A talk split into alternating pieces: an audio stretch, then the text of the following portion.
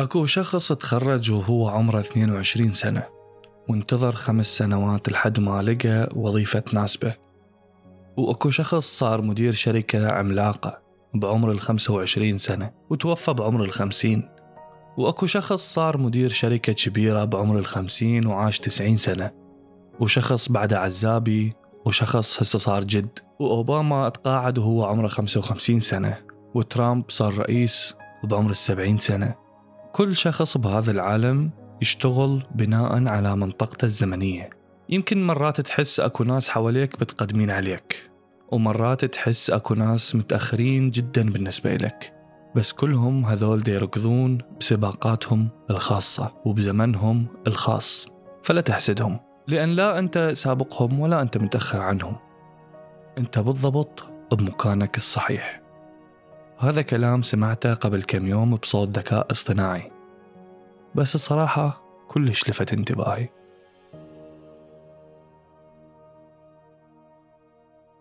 وياكم فلان وهاي الصوتية الثالثة بعد العاشرة من عراقي بودكاست. الموسم الثالث. إذا تيجي تفكر بيها وياي راح تلقي إنك قدام عدة نواحي من المناطق الزمنية اللي كل شخص دي يسلكها بطريقته ودي يتحدى بيها نفسه. وراح أقولهن على شكل أمثلة. بالمثال الأول تلقي أكو شخصين وخلي نسميهم سليمان وسعيد. سليمان تخرج بعمر ال 22 سنة من الجامعة وأول ما تخرج لقى الشغل اللي يحلم بيه. أما سعيد تخرج بعمر ال 25 سنة. وقرر يوقف دراسة فترة كنوع من البحث عن شنو يريد يسوي ويشوف شنو الفرص اللي ممكن تجي له. إذا تلاحظ هنا أنه سليمان بدأ من وقت بحياته العملية وبدأ يبني تاريخه الوظيفي. وسعيد أخذ وقته وحتى يكتسب خبرات حياتية متنوعة واستكشف شغفه الحقيقي قبل ما يلتزم بشغل. النهجين اللي اتخذوهم سليمان وسعيد هن نهجين صالحين. وماكو واحد بيهم فاسد. النهجين ممكن يقودون أصحابهم للنجاح. لذلك ما حد بيهم يقدر يعتبر نفسه متقدم على الثاني وإنما كل واحد بيهم موجود بمنطقة زمنية. زين هذا بخصوص الإنجازات الأكاديمية. عندك مثال ثاني عن المشاريع الريادية خلينا نسميها. عندك بهذا المثال شخصين وخلينا نسميهم سعاد وسلوى. سعاد بدأت مشروع ناجح بعمر الثلاثين وصارت مليونيرة بعمر الأربعين وسلوى بدأت مشروعها بعمر الخمسة وأربعين وقدرت تنجح وتحقق مكاسب مالية زينة بعمر الخمسة وخمسين. هنا ممكن تلاحظ أنه بداية مشروع وتحقيق المكاسب المادية منه ممكن يصير بمراحل مختلفة من حياة الشخص. يعني ماكو عمر معين يخليك تقول انت بعمر كذا تقدر تنجح أو لازم تنجح. يعني سعاد حققت مكسب بسرعة وبعمر صغير. وسلوى اخذت وقتها وجربت حظها هواي وتعلمت شغلات مختلفة وبعدين وصلت لنفس الإنجاز بالأخير. بس بإطار زمني مختلف تماما. المثال الثالث بهم شخصين. آسف تعبت هذول الأشخاص وياي كل شوية جايبهم وموديهم ويركب تاكسي من البيت للمثال ومن المثال للبيت. وبعدين يرجع وما يلقى توصيله فيخابر ابن خالته حتى يجي وصله للبيت فتخرب السيارة. المهم سالفة طويلة بس صبركم وياي قربنا نخلص الأمثلة. وين كنا؟ آه، ها المثال الثالث. هم بشخصين خلينا نسميهم سلوان وسمير. لا حد يسألني على اسمها ترى هاي بكيفي. سلوان تزوج بعمر العشرين وبدأ عائلة بسرعة. وسمير ركز بعشريناته وثلاثينياته. على تطوير نفسه وشغله وهواياته.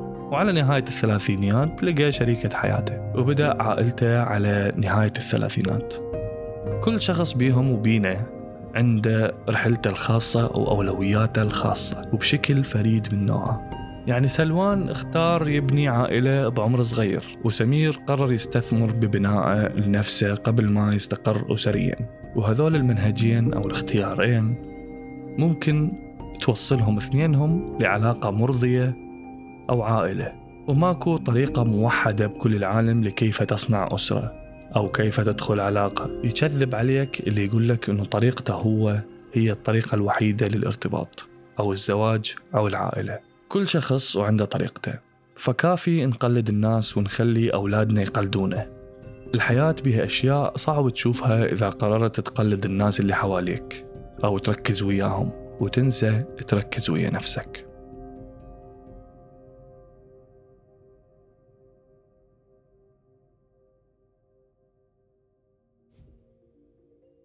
هذا كان بموضوع العلاقات الشخصية. أما المثال الرابع بشخصين وليكن أسمائهم أميرة وانتصار. أميرة اشتغلت بنفس المجال لمدة 20 سنة وفجأة قررت تغير وظيفتها للشيء اللي هي تحب تسويه. وشغوفة اتجاهها. أما انتصار انتقلت من شغل إلى شغل إلى شغل خلال معظم تاريخها المهني. لحد ما لقت الشغل اللي هي تحبه واستقرت به بعمر الأربعين.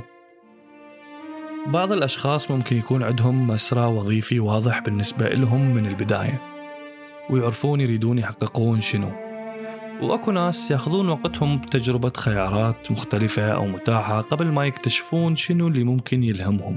وبالحالتين الطريقتين ممكن شنو؟ بالضبط. توصل أصحابها للوظيفة اللي يريدوها.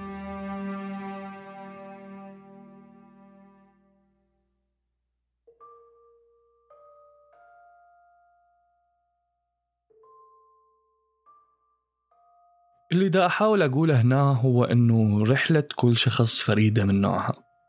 وماكو جدول زمني ثابت للنجاح أو الإنجاز. ومن المهم أنك تركز على أهدافك وتطلعاتك وتقدمك بدل ما تقارن نفسك بالثانيين. احتضن منطقتك الزمنية الخاصة واستغل إلى أقصى حد الفرص اللي تجي بطريقك. وخليك واثق أنك على الطريق الصحيح لنفسك. وحاول تمارس الامتنان والتقدير. يعني بدل ما تدوخ نفسك بحسد الناس وتدور على أوجه القصور بينك وبينهم نمي عندك شعور الامتنان والتقدير لرحلتك أنت اللي أنت تمر بيها حاليا. ودائما أخذ وقتك بتقدير إنجازاتك مهما كانت هاي الإنجازات صغيرة أو كبيرة. الشعور بالتقدير راح يغير وجهة نظرك ويسمح لك تحس بهاي اللحظة الحالية بالفرح والرضا.